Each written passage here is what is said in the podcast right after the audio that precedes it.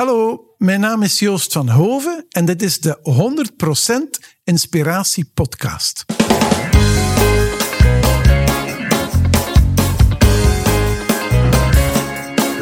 Hey, wat goed dat je luistert. Hij staat weer voor je klaar. Je wekelijkse dosis inspiratie is weer daar. De allerleukste gasten geven al hun kennis prijs. Met je veel te blije host, hij praat je bij. Zijn naam is Thijs. Thijs,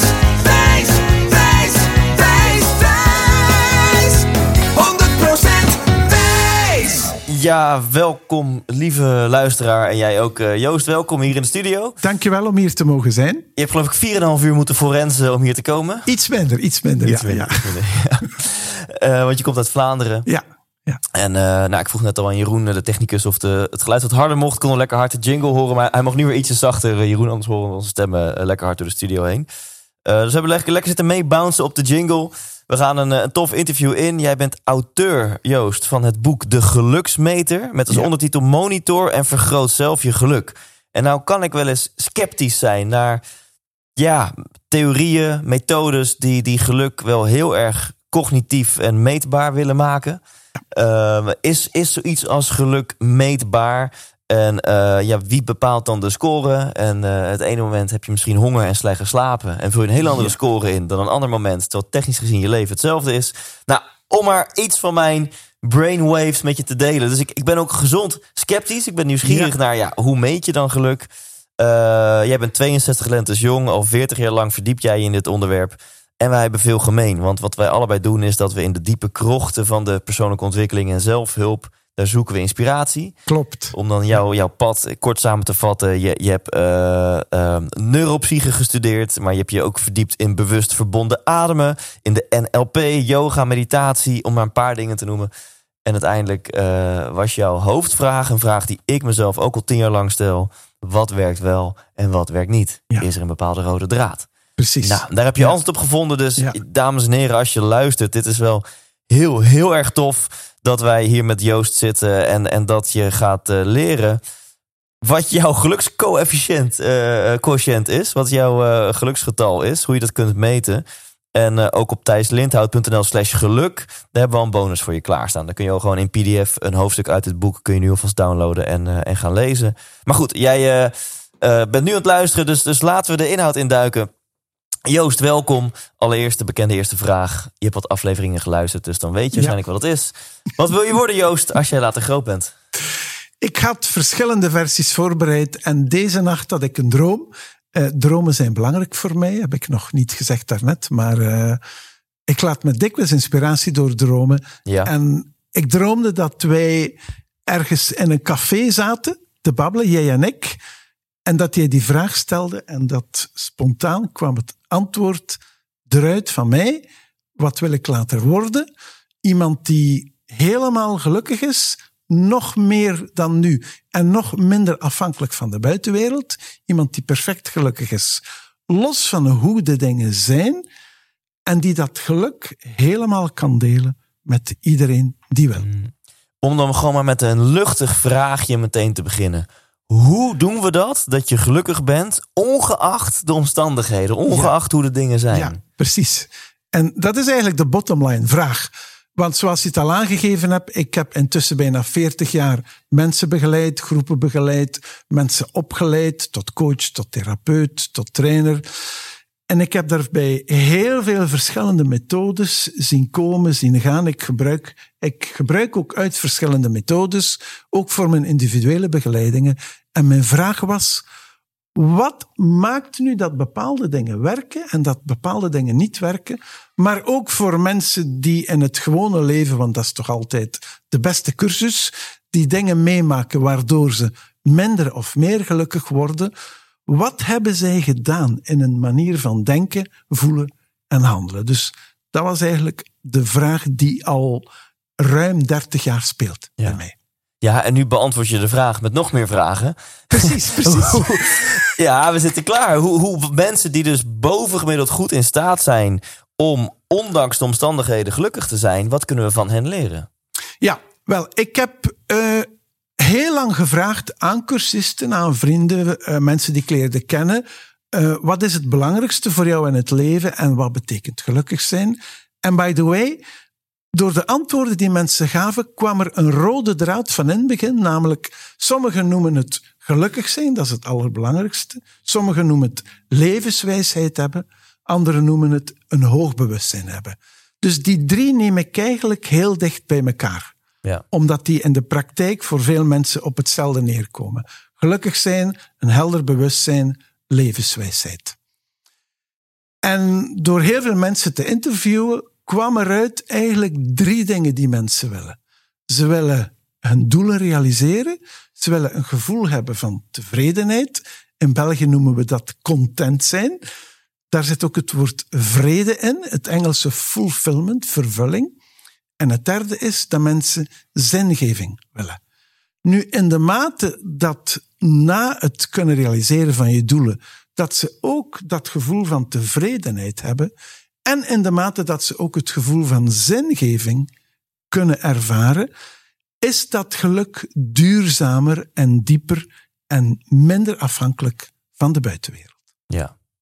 En kun je, en misschien stel ik te veel de how-to-vraag, maar kun je wat specifieker worden in hoe we dat dan kunnen doen? Dus ik wil hoger scoren op zingeving en tevredenheid, zodat ik minder afhankelijk ben van externe factoren. En misschien de vraag hieraan gekoppeld is ook: kan iedereen dat? Hè? Of, of is dat misschien ook voor een stukje mazzel? Is het gewoon genetisch bepaald? Of, of kan iedereen die nu luistert nu goed op gaan letten naar jouw antwoord, dat gaan toepassen en er voor zorgen dat je hoger gaat scoren op zingeving en tevredenheid, waardoor je minder afhankelijk wordt? Iedereen die nu luistert zal in de loop van de komende 15 minuutjes exact te weten komen hoe precies je dat doet.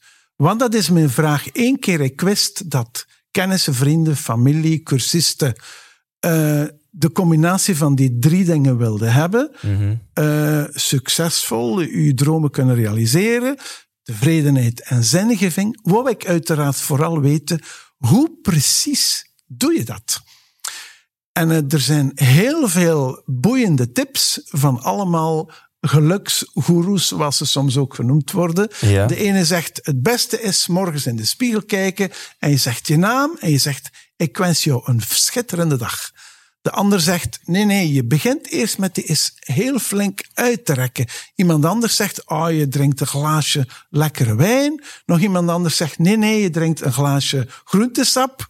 Uh, en ik had, toen ik tien jaar mijn coachingopleiding gegeven had, tien jaar geleden, had ik dertig factoren die belangrijk zijn. Waaronder jezelf graag zien, houden van jezelf, zeggen ze in Nederland.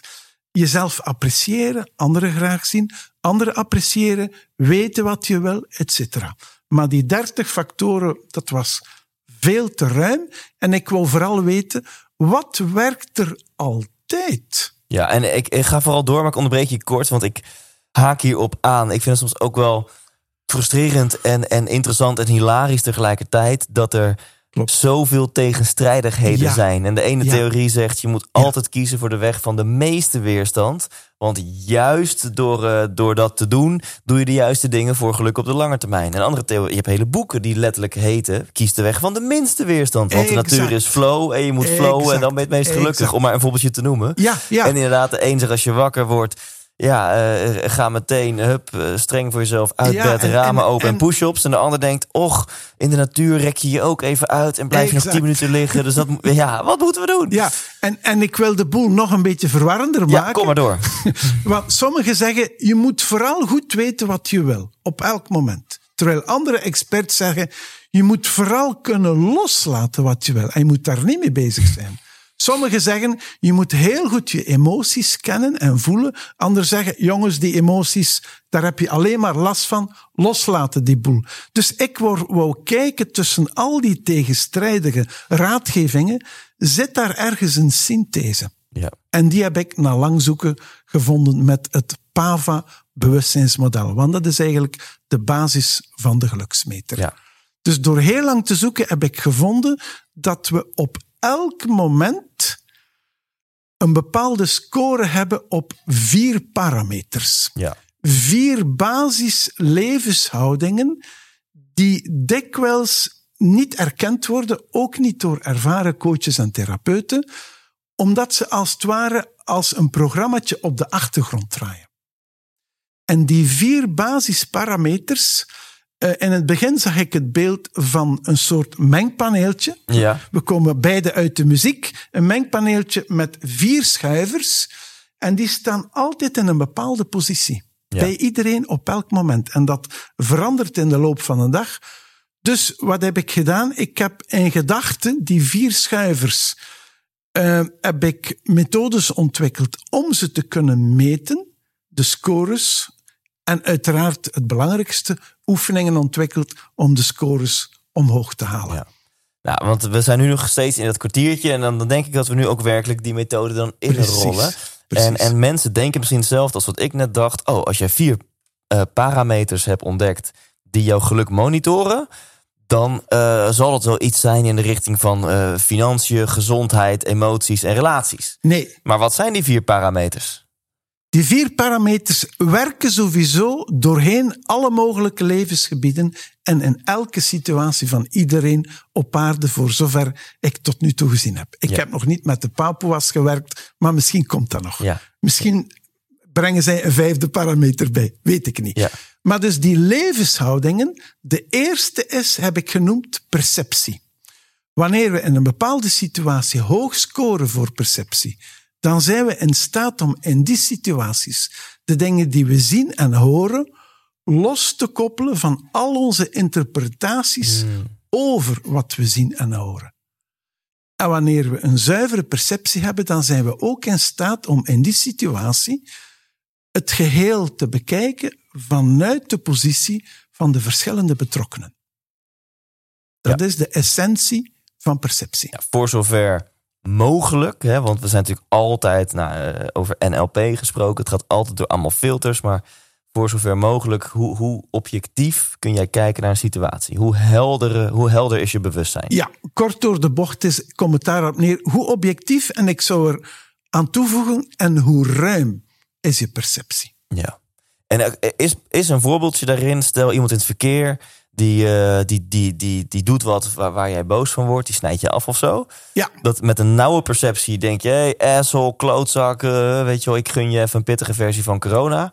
En met een, eh, een, een wat heldere perceptie kun je denken, oh, diegene is misschien even gestrest of maakt een vergissing. Heb ik ook wel eens. Ik hoop dat diegene nog een fijne dag heeft. ja, je begint zodra je het opmerkt, begin je jouw stress te voelen, want eigenlijk de geluksmeter, dat is ons lijf. Dat Ja. hebben we allemaal. En de elektriciteit waarmee de geluksmeter werkt, is de ademhaling. Vandaar dat noemen we het ook prana of ki of chi, Ja. de energie van onze ademhaling. Ja. Door te ademen voelen we op welk niveau dat onze perceptie zit. Als die beladen is met oordelen, dus het eerste dat we leren met de geluksmeter, ook met die eerste parameter van perceptie, is om onze oordelen te doorzien. Ja. Om die door te hebben. En dan kan je ze loslaten. Dus ehm, ja, samengevat is, gaat dus perceptie met dit voorbeeldje van mij. Dat, dat klopt in mijn voorbeeldje. Dat Klopt is, dat helemaal. Klopt helemaal. Ehm, ja, volgens mij gaan we doorrollen dan. Want ik wil, wil nog Ja. veel meer vragen stellen. Maar perceptie is dus de eerste parameter. Dat is de eerste En we kunnen de parameter. geluksmeter kunnen we zowel levensbreed toepassen. eh, als op specifieke gevallen of thema's. Tot aan dus dat iemand in het verkeer je afsnijdt. Ja, en, en ik merk in de praktijk dat de meeste mensen het sneller leren wanneer ze het lef hebben om het toe te passen in allerlei situaties. In situaties waar het goed gaat en zeker ook in situaties waar het minder goed gaat. Ja. Daar leren ze het meest bij. Ja, helder. Eh, tweede eh, parameter. Dus in de mate dat Ja. je hoog scoort voor perceptie, zal het je gemakkelijker lukken om ook hoog te scoren voor acceptatie, de tweede parameter. De twee essentiële dingen van acceptatie zijn in staat zijn om de eigenschappen van jezelf en van anderen volledig te accepteren zoals ze zijn, en ook om je emoties te accepteren. Want ik heb gemerkt, ook nog de laatste jaren, nu ik meer naar buiten kom met de geluksmeter, dat veel mensen, ook heel intelligente mensen, ook coaches, therapeuten, niet doorhebben hoe dikwijls ze hun emoties onderduwen. Dus door ook, zeker in deze tijden, alle moeilijke emoties, boosheid, eh, frustratie, ontgoocheling, door die helemaal toe te laten en ik heb daar ook in het boek specifieke oefeningen voor uitgewerkt, laat je eigenlijk de lading los van al die emoties. Ja. En heb je hier, want dit, dit, dit is een thema deze podcast, hier hebben meer gasten het over gehad de laatste tijd. En ook in mijn eigen leven is een thema om gewoon meer emoties toe te laten. Kun je hier wat, wat handvatten voor geven? Hoe, hoe laat je eenmaal, want mensen die nu misschien luisteren en zich wel of niet bewust zijn van het feit, ja, ik, ik krop inderdaad wel eens op of ik voel weinig. Ja. Hoe, hoe doe je dat? Meer acceptatie en dus meer emoties toelaten? Ja, neem nu het, het, uh, het voorbeeld frustratie, want ik merk heel veel mensen zitten met frustraties. Uh, eergisteren zag ik iemand die ook zanger is en die zat al een, uh, een jaar lang op zijn nagels te bijten dat hij niet vooruit kon in zijn gevoel. Maar dan zeg ik gewoon, dat gevoel van frustratie, adem eens een paar keer als dat een plek zou hebben in je lichaam. Waar zit dat? En dan laat je toe wat daar gebeurt in je lijf. Want elke emotie, ook al zit die daar al twintig jaar, heeft een plek in je lichaam. En het vreemde is, het paradoxale, door dat toe te laten wat daar zit en door het te benoemen. Sommige mensen zeggen, oh, het, is, het is een zwarte vierkante blok die daar zit, bijvoorbeeld, maar kan van alles zijn. Door het helemaal toe te laten, begint dat te veranderen. Gewoon door de aandacht, door specifieke aandacht eraan te geven. Gaat eigenlijk die emotie die we bevroren hadden, maanden of jaren lang, begint die te leven en begint die op te lossen. Maar in het begin merk ik door de ervaring, vergt het wat moed voor mensen maar de meeste mensen denken, ja, maar als ik mijn frustratie, of mijn boosheid, of mijn verdriet, of mijn angst om ziek te worden, angst om besmet te worden, als ik dat toelaat, dan wordt het alleen nog erger. Dat is de angst, maar eigenlijk is het niet waar. Je laat de lading los. Je zou kunnen zeggen, wanneer je laag scoort voor elk van de vier parameters, nijp je jouw energie af. Mm. En dat doe je letterlijk. Mm. Dus mensen worden zich bewust met de geluksmeter wanneer ze hun energie dichtknijpen. Doen ze dat door vernauwde perceptie? Doen ze dat door weerstand en verzet, dus het tegendeel van acceptatie? Of doen ze dat door probleemgericht zijn? En nu zitten we eigenlijk al op de derde as. Ja. Ik begin enthousiast te worden, Joost. Want het model gaat al veel dieper dan ik had verwacht. Ja. Uh, en dat bevalt me. Kun jij zelf uit je eigen leven een voorbeeld noemen van een, een, een heftige emotie of een situatie waarin je dit. Een heel recent voorbeeld van uh, amper drie, vier weken geleden. Ja? Ik gaf een webinar aan, aan mensen die geïnteresseerd waren. En ik zag op mijn scherm alleen zwarte vakjes. Af en toe stond er iPhone of Samsung of Galaxy op. Hier en daar iemand een foto van een kind van drie jaar. Maar niemand had zijn camera aan en niemand had zijn microfoon aan. En ik voelde mij zo gefrustreerd en ik dacht, mensen, ik geef hier het beste van mezelf prijs, maar jullie willen niets delen over jezelf. Je hoort het, een heel pak oordelen, totdat ik plots zag, dacht, ja, maar Joost, misschien hebben die mensen een heel lange dag achter de rug. Misschien zitten ze al in pyjama, dat ze heel moe zijn. Ze hebben misschien net een kind in bed gestopt, het kind dat nog ligt te roepen, dan zou ik ook de microfoon uitzetten. En door mij even in te leven in alle mogelijkheden, vielen mijn oordelen weg, steeg mijn perceptie en was er direct ook acceptatie over het gegeven. En het grappige, binnen de minuut waren er een aantal mensen die hun camera aanzetten. Hmm. Puur energetisch. Puur energetisch, ja. ja. Doordat er van mijn kant geen weerstand en verzet meer was. Ja. En, en wanneer je uh, zelf acceptatie wil toepassen op de manier waarop je net zei, echt met adem, waar zit dat gevoel? Hoe, ja. hoe, hoe, gaat het bij jou of misschien bij cliënten? Kun je een voorbeeld geven zodat mensen er een beetje een beeld bij hebben die denken: oh, maar nou, ik, ik, ik hoor Joost, ik ga dat braaf doen, maar zit ik dan een minuutje of, of, of moet ik dat een paar uur doen? En, en hoe, Ja. wat kan ik verwachten? Dus uh, kan je daar iets meer uh, Ik zal misschien eens beeld bij een, geven? een, een voorbeeld geven van een heel heftig voorbeeld van 27 jaar geleden. Toen ik eigenlijk begonnen was aan het creëren van het PAVA-model.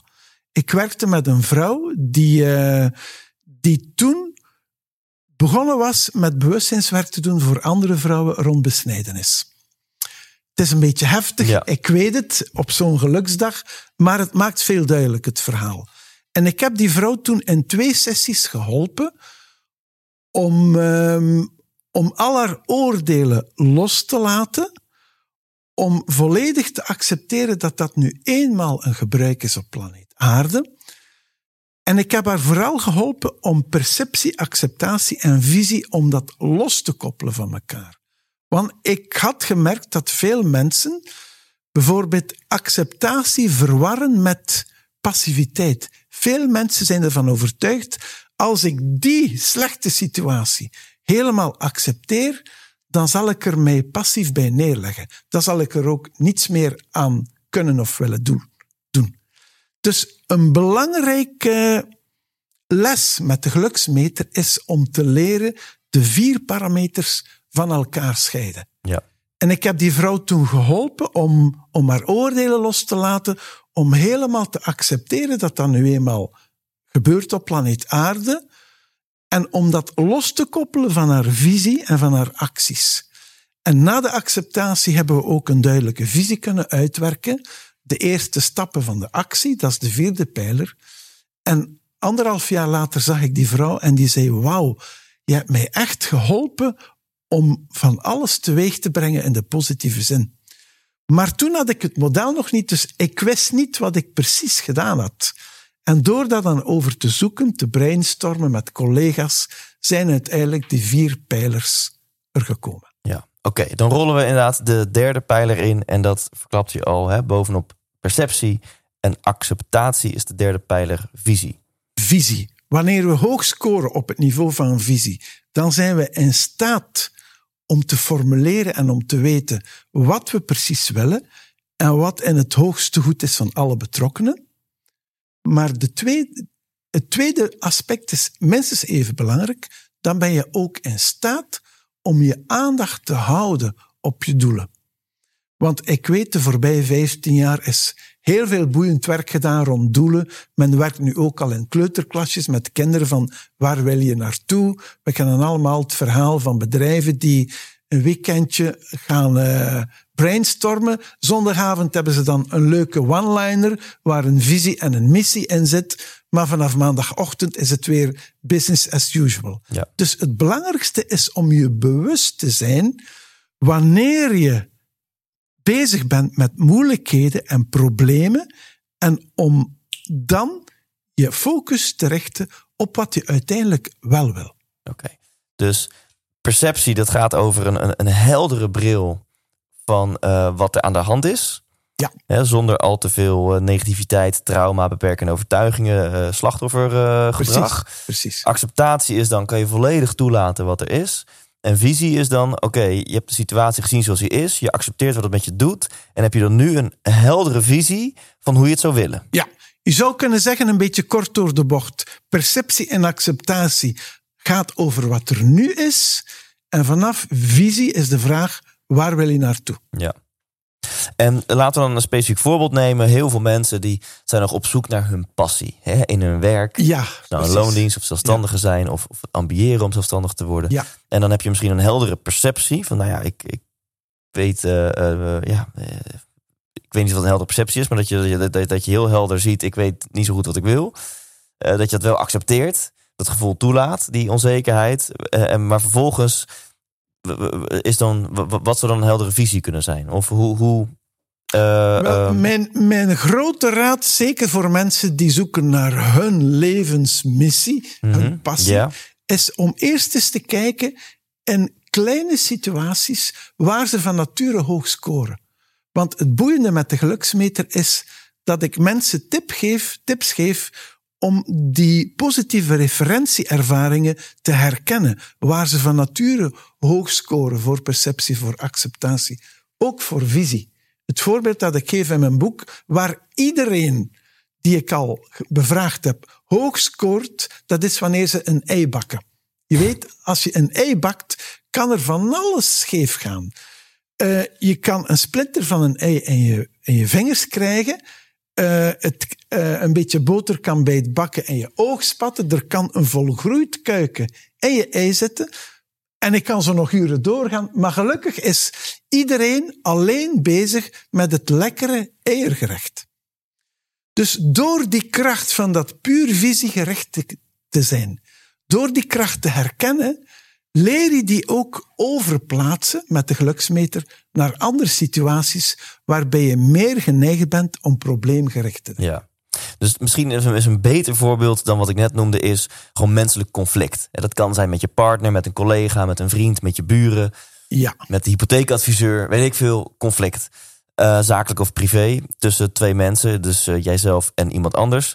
En dan zou een heldere visie kunnen zijn, maar mijn doel is niet om jou kapot te maken of om jou te verwijten, maar mijn visie is dat wij er samen uit gaan komen. Of mijn visie is dat dit is mijn doel van deze interactie of dit conflict. Ja. Dan heb je het daar zeg maar over. ja en, en wanneer alle partijen, of één partij is eigenlijk voldoende, wanneer één partij de visie voor ogen houdt, dan gebeurt er iets magisch. Dan, zeker als er meerdere partijen zijn die dat doen, dan worden alleen de dingen gezegd, gedacht, gevoeld die leiden naar die visie, naar dat doel. Helder. En eh, neem ons mee, wat mij betreft, naar de laatste stap. Dat is actie. Dat is actie. Ja, paradoxaal gezien. eh, dus ik heb voor elk van de vier PAVA-parameters twee cruciale dingen. Voor actie is dat ten eerste kunnen de pauzeknop indrukken. Beetje paradoxaal. Want in alle culturen ter wereld tot over 40 jaar waren er in de loop van de dag pauzemomenten ingebouwd. Ja. In de loop van een week was een pauzemoment. In de loop van het jaar waren ook pauzemomenten, rustmomenten. Doordat we meer en meer het Amerikaanse model 24-7 gaan overnemen, zijn er structureel geen pauzemomenten meer. Vandaar dat mensen het moeten zoeken. Hoe doe ik dat? Laatst kwam ik op een bedrijf en, en ze wouden ook rond die actie werken. En ik zei, nou, mensen, jullie krijgen één minuut om even niets te doen. En er was niemand geslaagd. Mensen gaan direct op een laptop. Eh, dus vele mensen moeten dat leren om eventjes de pauzeknop volledig in te drukken. Want dan krijgen we de inspiratie om te weten, en dat is meteen het tweede belangrijk punt voor actie, om te weten wat is het juiste moment om over te gaan tot actie. Eens ik een duidelijke visie heb en eens ik daarvoor geaccepteerd is- heb wat er is, en heel helder kan zien wat er aan de hand is. Dus los van een specifieke situatie, zeg jij überhaupt gewoon overkoepelend over je leven, is de beste actie die je kan nemen, is dagelijks op de pauzeknop drukken. Exact. Minstens één keer dagelijks. Ja, hoe doe jij dat zelf? Ik heb intussen verschillende methodes van yoga, van meditatie geleerd. En ik, ik leer mensen ook hoe ze dat doen. Het simpele, de start is gewoon je lijf voelen. En toelaten wat er gebeurt in je lijf en wat er gebeurt in je gedachten. En daar eventjes niets aan doen om te veranderen. En wat, eh, wat is jouw ideale timer hiervoor? Qua duur. Eh, voor mij neem ik graag een tiental minuutjes ochtends. En als het kan overdag, of als ik behoefte heb, doe ik dan nog eens vijf minuutjes.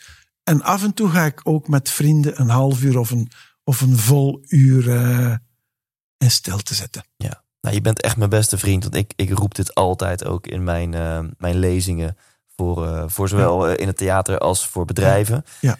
Eh, en ik, ik heb het ook letterlijk over 10 minuten. Eh, liever meer. Ah, maar, maar, dat wist dus ik vind het superleuk. Ja. En, en precies ook wat jij zegt. eh, je kan in die 10 minuten allerlei eh, afleidingen en prikkels nog bedenken.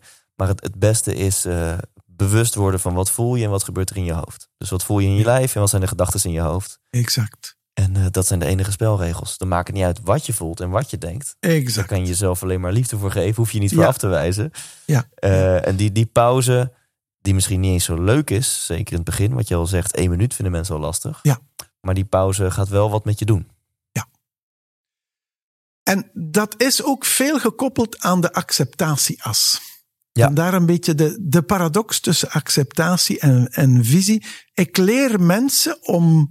Wat betekent eigenlijk iets accepteren? Betekent eventjes niets doen om de situatie te veranderen, weg te hebben of om het erge ervan te verminderen. Ja. Daar komt het eigenlijk op neer. En laat ik, ik, kom gewoon weer met een ander voorbeeld. Ik noemde al iets net over het vinden- van passie in je werk, iets over conflict. En nu komt mijn hersenstam met een nieuw voorbeeld fit worden. Hè, want je kan die eh, de geluksmeter, de vier parameters, kan je op elk gebied toepassen. Exact. Eh, Ja. Dus stel, jou, eh, je wil vitaler worden.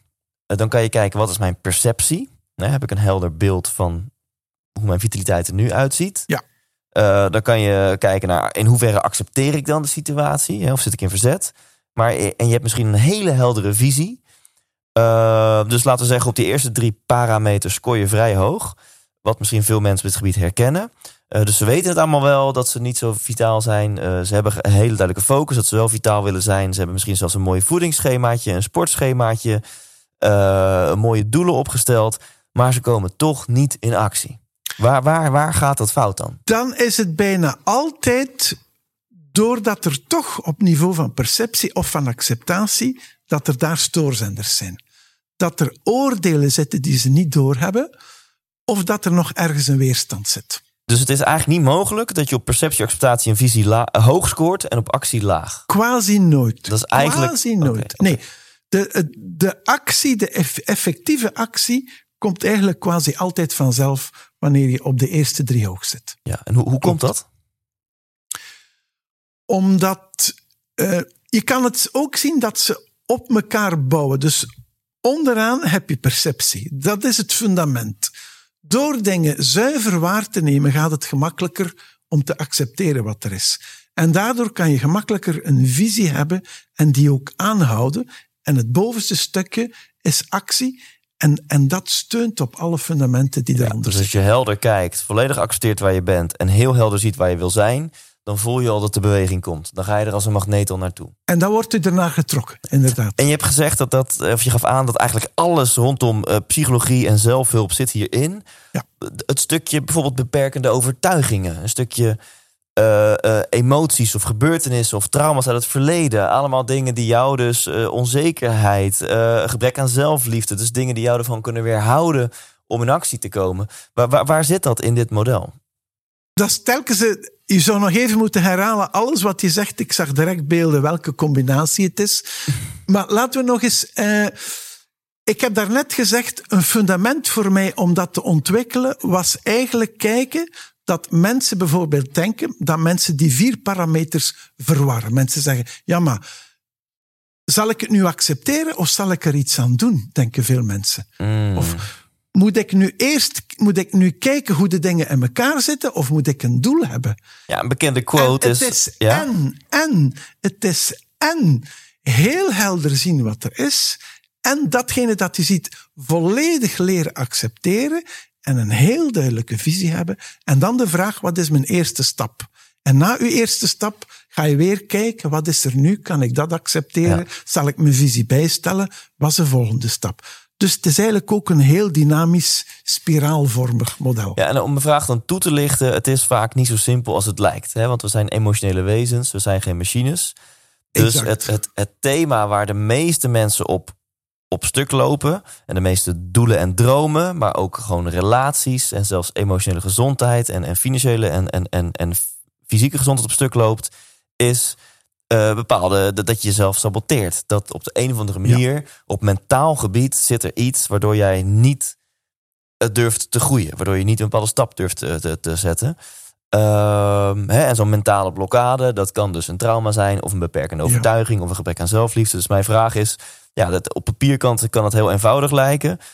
In mijn ervaring is het in de praktijk... zit vaak op een dieper level, namelijk het level van mentale blokkades. Daar zit het hem vaak waar de schoen wringt. Ja. En dan is mijn vraag, Op waar, een, waar, op een onbewust niveau. zit Ja. Vandaar dat je het niet direct te pakken ja, krijgt. en, en, en, en waar zit dat in de geluksmeter? In welke parameter kom je dat tegen? Ja, wel, dat zit in de combinatie. Een, een belangrijk moment, een belangrijk deel om te leren spelen met de geluksmeter is om door te hebben waar jouw verwarringen zitten. Eh, ik geef een voorbeeld van iemand die in, in scholen en bedrijven, ook in gezinnen, en, en kwam, die keek waar zit het fout Ja. een, zoals men een bedrijfsdokter kent. Maar die deed dat ook voor gezinnen, die deed dat ook pro bono voor families, voor scholen. En hij kwam bij mij en hij zei, ik heb heel veel successen, maar af en toe gaat de boel volledig fout. En dan heb ik eigenlijk samen met hem na vijf minuten gevonden dat hij met de verwarring zat, namelijk dat onheldere waarneming wanneer er ergens verwarring zat, dat dat het tegendeel is van, van heldere visie. Ja. Onzuivere perceptie, het tegendeel van heldere visie. Dus die man dacht verkeerdelijk, als mensen geen klare kijk hebben op de dingen, dan geef ik hen een aantal doelen. Dus dat is wat ik noem een halve waarheid. Waarom? Het is nooit verkeerd om doelen te hebben, maar het hebben van doelen is geen garantie dat je ook zuiver leert waarnemen. Dus de, en zo hebben we allemaal verschillende verwarringen. En in het boekje De Geluksmeter heb ik de acht belangrijkste verwarringen in kaart gebracht, telkens met een verhaal, zodanig dat mensen het kunnen herkennen, ook met oefeningen om de verwarringen op te lossen. Ja. En is het mogelijk, want dit is met name ook een, een soort van zelfscanmethode. Ja. Uh, maar is het mogelijk om, om zelf tot, tot inderdaad wat jij terecht al zegt, die diepe onbewuste patronen te komen uh, die jou blijkbaar tegenhouden? Dus het doorhebben van de verwarringen waar je mee zit, in combinatie met de oefeningen om telkens wanneer je in lage perceptie zit, om de oefening te doen, om erachter te komen wat zit er hier? En om de oefening te doen waarbij je perceptie verhoogt, kom je stukjes van jezelf tegen die zich verborgen hadden. Okay, dus als je hiermee aan de slag gaat, met, uh, met, uh, op een rustig moment, met de juiste focus, dan, uh, dan kom je vanzelf wel diepere delen van jezelf tegen. Precies, precies. En een van de redenen waarom mensen zeggen soms, ja, het, het model is duidelijk, je kan het aan een kind uitleggen, en toch is het soms moeilijk en lastig. Hoe komt dat? Omdat in onze cultuur en in, onze, in de wereld van de media, in, in onze schoolcultuur, wordt onzuivere perceptie onbewust en onbedoeld als een deugd aangekaart. Je moet allerlei oordelen hebben. Je moet je kunnen verzetten tegen de dingen, wordt bijna gepredikt. Je moet met het probleem kunnen bezig zijn. En zoals we nu ook zien, het is heel opvallend, het voorbije jaar wereldwijd, dat we in een enorme perceptievernauwing zitten. Ja. Het laatste jaar, 70% van het officieel nieuwsbericht was over de presidentsverkiezingen in Amerika, was over corona en was over de sportevenementen die we niet meer live kunnen bijhouden. En van die paar items die maar meer aan bod komen, heeft men een heleboel ideeën ook losgelaten. Mijn vrouw is arts. Ik weet, er is al 40 jaar onderzoek over welke vitamines, welke mineralen ons helpen voor onze immuniteit. Het laatste jaar wordt dat volledig gebannen uit heel wat communicatie.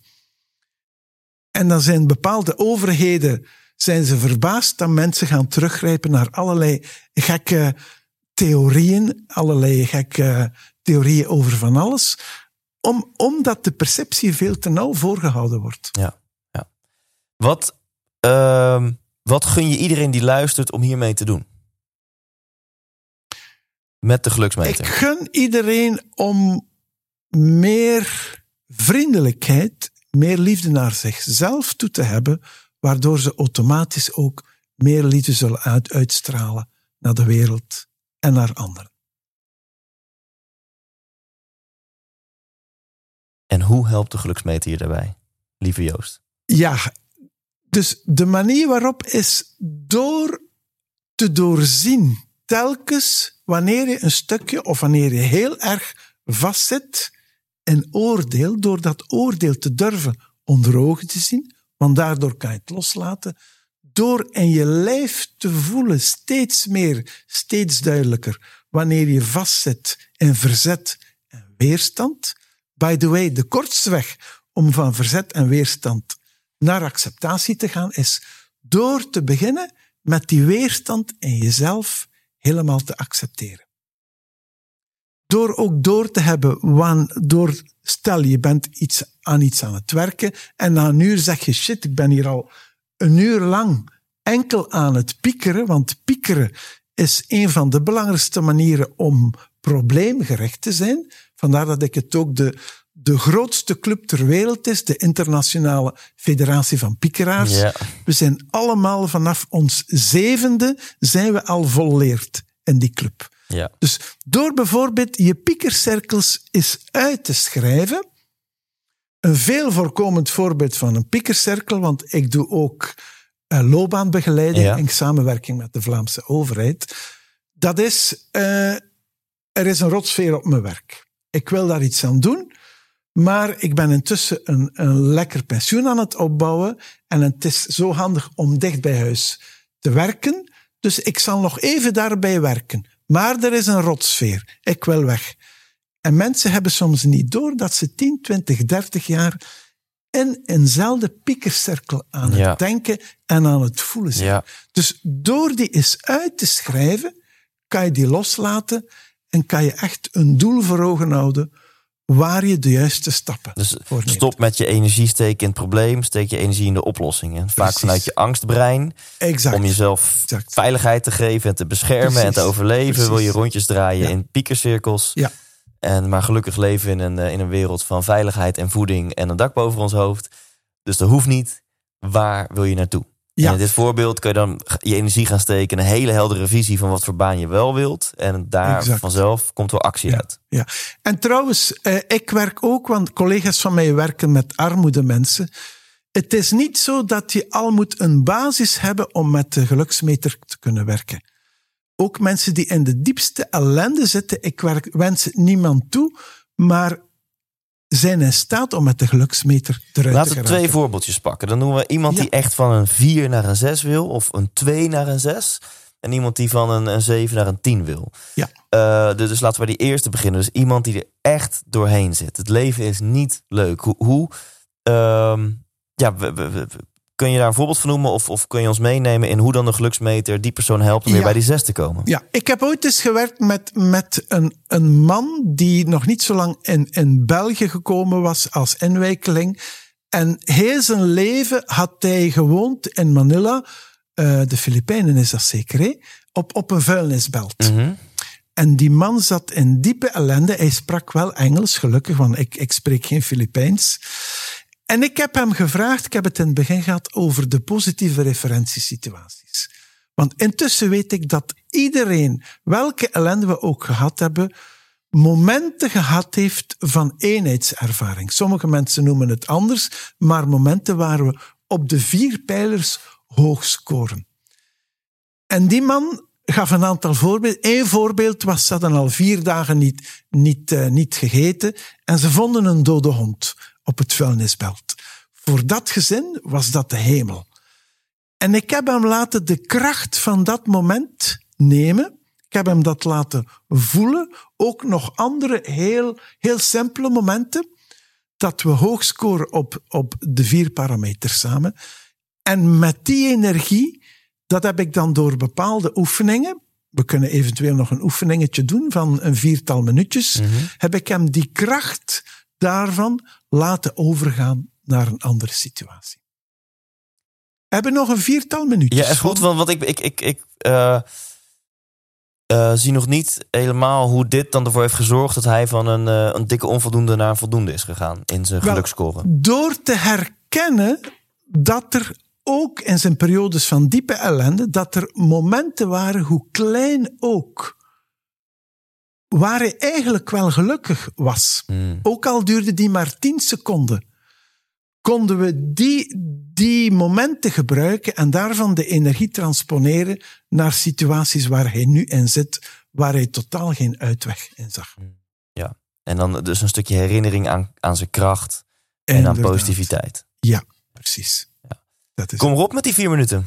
Ja, en ik stel voor dat we een oefening doen rond acceptatie. Omdat, omdat toch, je hebt het zelf al aangegeven, voor heel veel mensen is dat toch een moeilijke. Ja, we hebben toch geleerd dat we pijn willen vermijden. Dus emoties, zeker de negatieve, daar willen we ver weg van. Precies. En dan zeg jij, dan houden we het juist vast. Exact. Dan gaan we het bevriezen. Ja. Ja. En eh, ik stel voor dat we allemaal eens eh eens, degene die willen meedoen met de oefening, uiteraard, Ja. eh, dat je eens één situatie neemt uit jouw leven waar je van weerstand naar acceptatie gegaan bent. Dat kan bijvoorbeeld zijn het huis of het, het eh, appartement, de flat waar je nu woont. Iets in de aankleding, de kleur van de muur, het materiaal van de vloer. Mensen die een terrasje of een tuin hebben. Een boom die helemaal verkeerd staat volgens jou.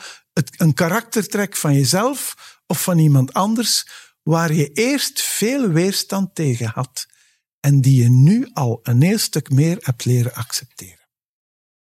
Heb jij Thijs al zoiets? Ik heb al wel zoiets, ja. Prima. Wil je er iets over delen? Ja, dan, dan pak ik iets ehm, in hele concrete. En dat is het feit dat ik het podium niet op mag. Daar heb ik wel veel weerstand tegen gehad. Ja. En nu, ehm, nu kan ik dat eigenlijk wel vrij goed accepteren. En vind ik het prima hoe lang deze situatie duurt. En eh, Ja. ja. ga ik in deze gekke studio waar we nu in zitten, doe Ja. het hier wel. ja. ja. Oké, ik, stel- ik stel voor dat iedereen één situatie neemt en liefst mag een heel kleine zijn. Voor sommigen lijkt dat misschien al heel, heel groot, maar je kan iets heel simpel nemen. De stem van iemand die je in het begin gek vond en waar je weerstand tegen had en dat je nu hebt leren accepteren. Of gewoon de iets in de vorm van jouw huis, whatever. Neem iets simpel. Ja? En dat noemen we die positieve referentieervaring zetten we even opzij en ik stel voor om dat gevoel van die acceptatie, Thijs. Ja? Het accepteren, oké, het is nu eenmaal zo, ik kan nu het podium niet op en ik heb daar vrede mee. Dat is, dat is het mooie Vlaamse woord van accepteren, het mooie Nederlandse woord. Vrede hebben ermee. En je legt dat gevoel in je rechterhand. Doen we nu fysiek. hè? Doen we nu Echt, fysiek? Ja, je- Ja, kijk je- mee op YouTube, dames en heren. Ja, je, je laat dat gevoel van die acceptatie in je rechterhand komen. En het zou kunnen dat daar spontaan een symbool bij komt, of een beeld, of een kleur. Laat het maar gebeuren, als dat erbij komt. Oké, dat is de positieve ervaring van acceptatie. Los daarvan wil ik jullie vragen om eens een situatie te kiezen nu uit jouw leven waar je het moeilijk mee hebt om het even wat iets waarvan je weet of vermoedt, hè, hè, als ik dat meer zou accepteren, dan zou dat toch wel leuk zijn. Ja. En ik denk nu spontaan aan, aan een presentatrice op de Vlaamse radio, die telkens als ze iemand interviewt, die telkens zegt ja, maar, en dat die telkens haar eigen model van de wereld er wel tussen wringen. Ook heel boeiende gasten die ze, die ze daardoor eigenlijk geen podium geeft. Dus mijn oefening gaat nu zijn om die persoon die ik in gedachten heb, om die helemaal te accepteren. Die ik op dit moment, want ik heb ze deze ochtend op de weg naar hier gehoord, die ik nog niet helemaal geaccepteerd Ja. ja? En dus de situatie die je wel wil accepteren, dus waar je nog moeite mee hebt, die leg je nu in je linkerhand. Laten we het eens samen doen, Ja, Thijs. ja. Nou, Dat ligt in je linkerhand. Dus de en je hebt ook iets gekozen. Ja, Wil je er iets over zeggen? ja dat iets waar ik... Ik heb de moeite dan om eh, te accepteren dat ik geen controle heb. Dat je geen controle hebt. Ja. Oké, en het is misschien best om één concrete situatie te Ja, nemen. nee, ik heb waar ook je een geen concrete, controle- eh, in Je hebt er één in Ja, gedachten. ja, Prima. ja. Oké, dus we hebben allemaal de situatie die we meer willen accepteren, leggen we in onze linkerhand. En dan leggen we ook weer de rechterhand voor ons. Hier zit die kwaliteit van het accepteren. En dan stel ik voor dat we de ogen sluiten. Mhm. Je ademt een drietal keer rustig, bewust in en uit. En dan laat je je beide handen heel traag, jij doet niets, maar je laat ze vanzelf dichter bij elkaar komen. Zo snel of zo traag als ze zelf willen. En dikwijls is het dan zo dat je zelf ervaart dat dat in schokjes gaat. Echt al jouw tijd voor.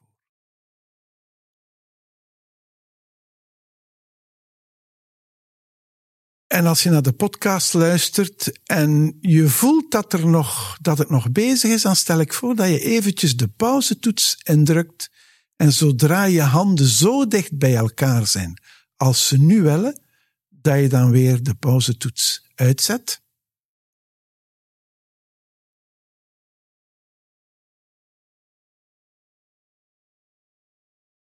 En ik hoop dat jullie thuis geen microfoon tussen jullie handen hebben. Zal het gemakkelijker maken. En hoe dicht of hoe ver ze ook van elkaar komen, laat dan je beide handen naar je lichaam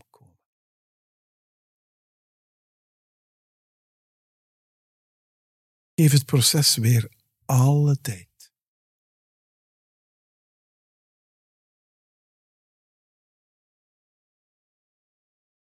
Neem nog een drietal bewuste in- en uitademingen.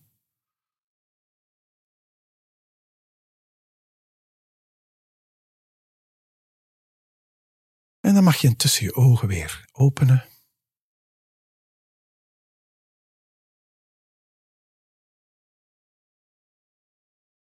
En ik zal de test gelijk met jou doen, Thijs. Denk nu eens aan de situatie van waar je geen controle in had.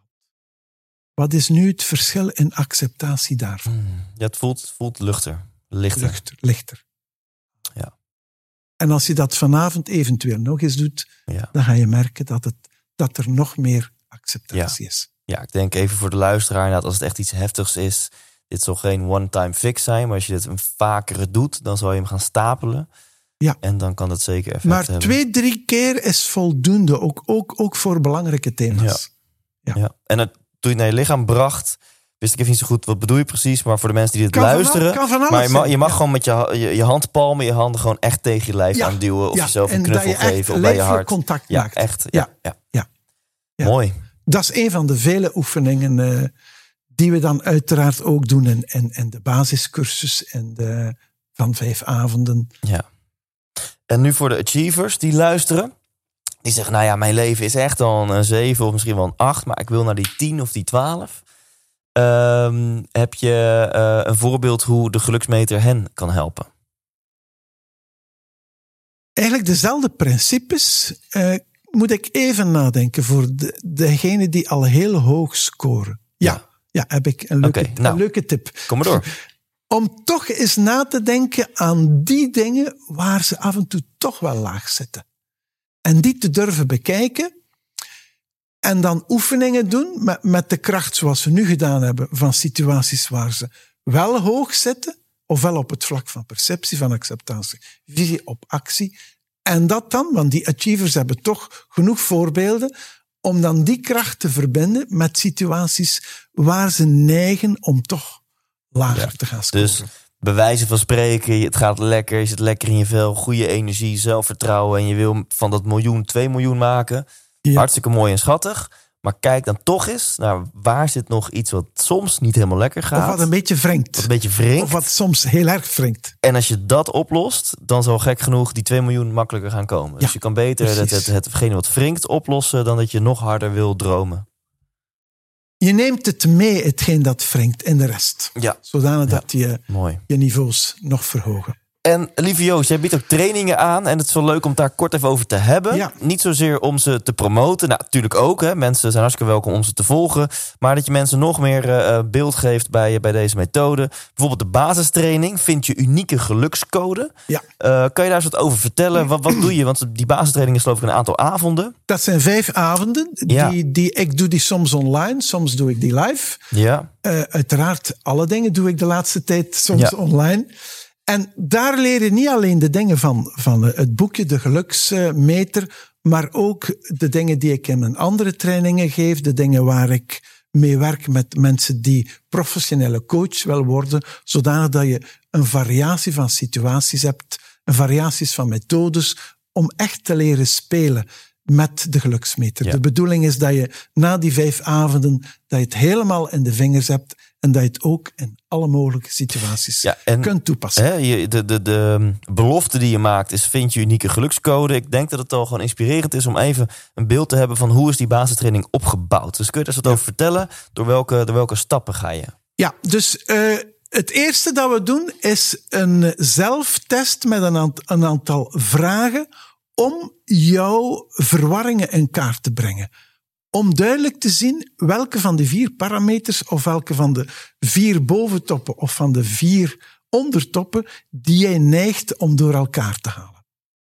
Dat is altijd Ja. een belangrijke eye-opener, dat mensen zeggen, ah ja, tja, er zijn toch nog heel wat situaties waar ik ergens geloof van door iets te accepteren, bijvoorbeeld, dat ik dan moet geloven dat ik het ermee eens ben. Dat is een van die verwarringen. Ja. Mensen die iets accepteren wil zeggen ermee eens zijn. Door dat door te hebben, kan je ze oplossen, die verwarringen. En doen, dan doen we in de loop van de vijf avonden oefeningen om door te hebben in elke situatie waar je score zit voor de vier pavas. En doen we leuke oefeningen, ook interactieve oefeningen, om de scores omhoog te halen. Ja, te gek. Ehm, en voor de mensen die denken, nou, ik wil gewoon gelukscoach worden.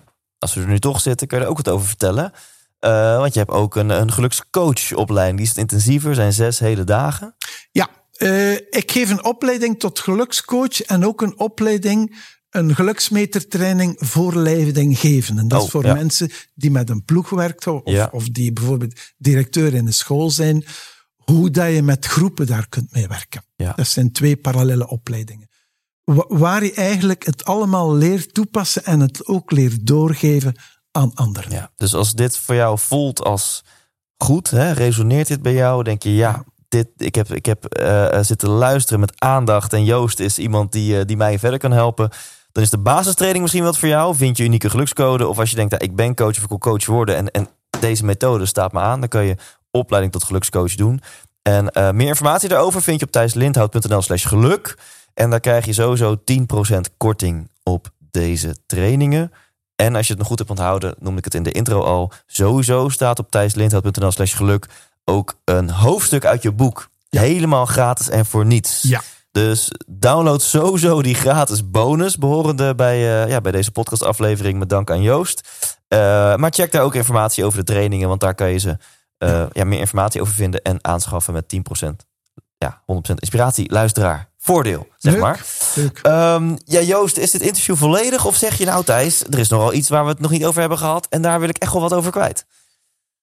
Eh, ja, ik, ik wil nog iets Ja, kwijt. kom maar, we hebben tijd. Als mensen zeggen, wat is nu de belangrijkste factor die zorgt voor het ongeluk op aarde? Die zorgt voor alle ellende op planeet aarde.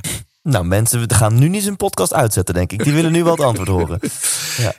En, en wat is de belangrijkste kwaliteit die maakt dat meer mensen gelukkiger worden?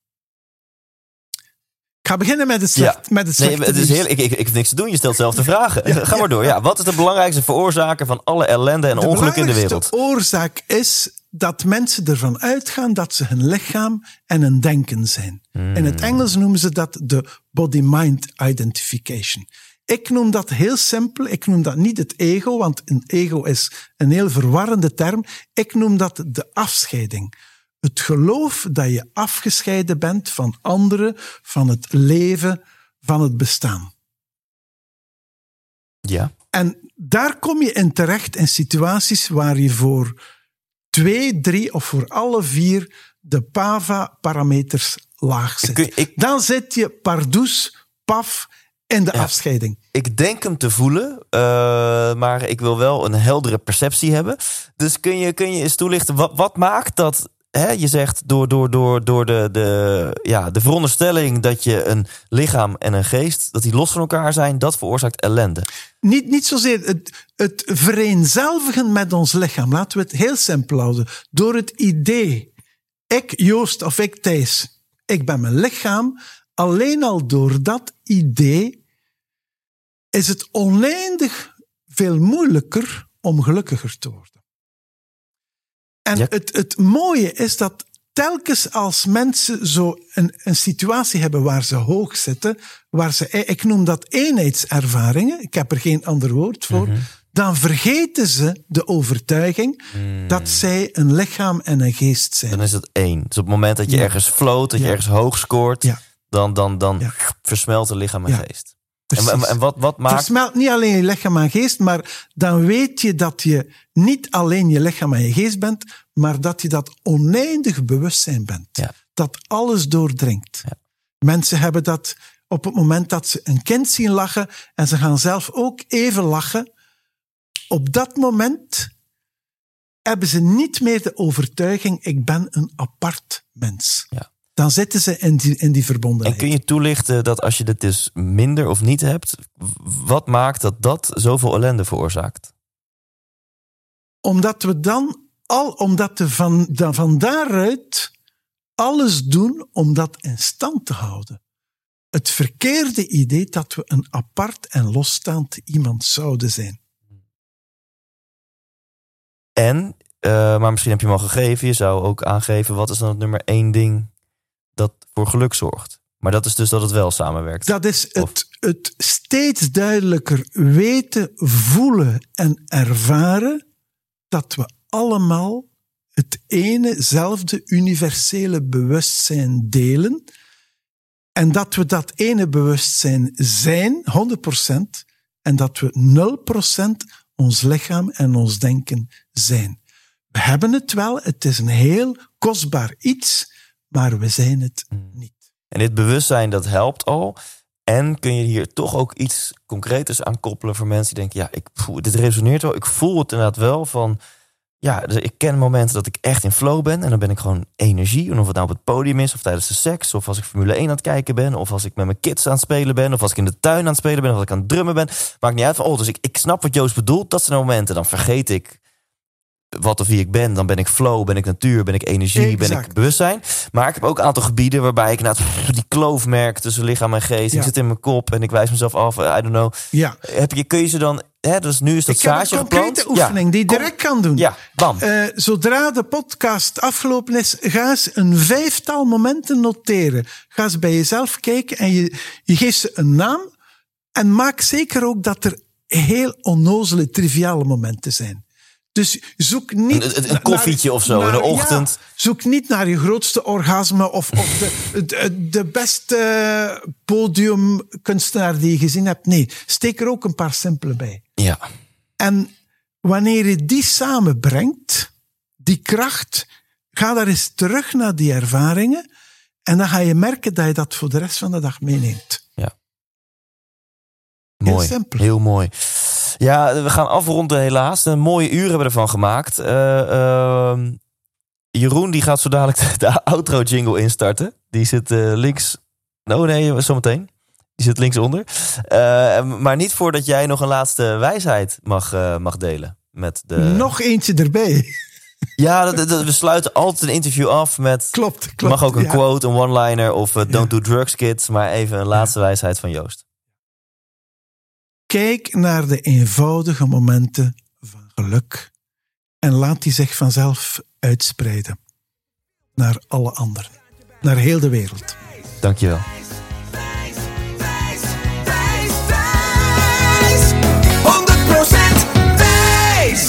Uh, ja, moet ik even de juiste camera pakken. Lieve luisteraar of kijker, uh, bedankt uh, voor het kijken of luisteren naar het interview. Ik houd het boek nog even omhoog. De geluksmeter van, van Joost. Ehm, sowieso uh, staat er dus een toffe bonus voor je klaar op thijslindhout.nl slash geluk.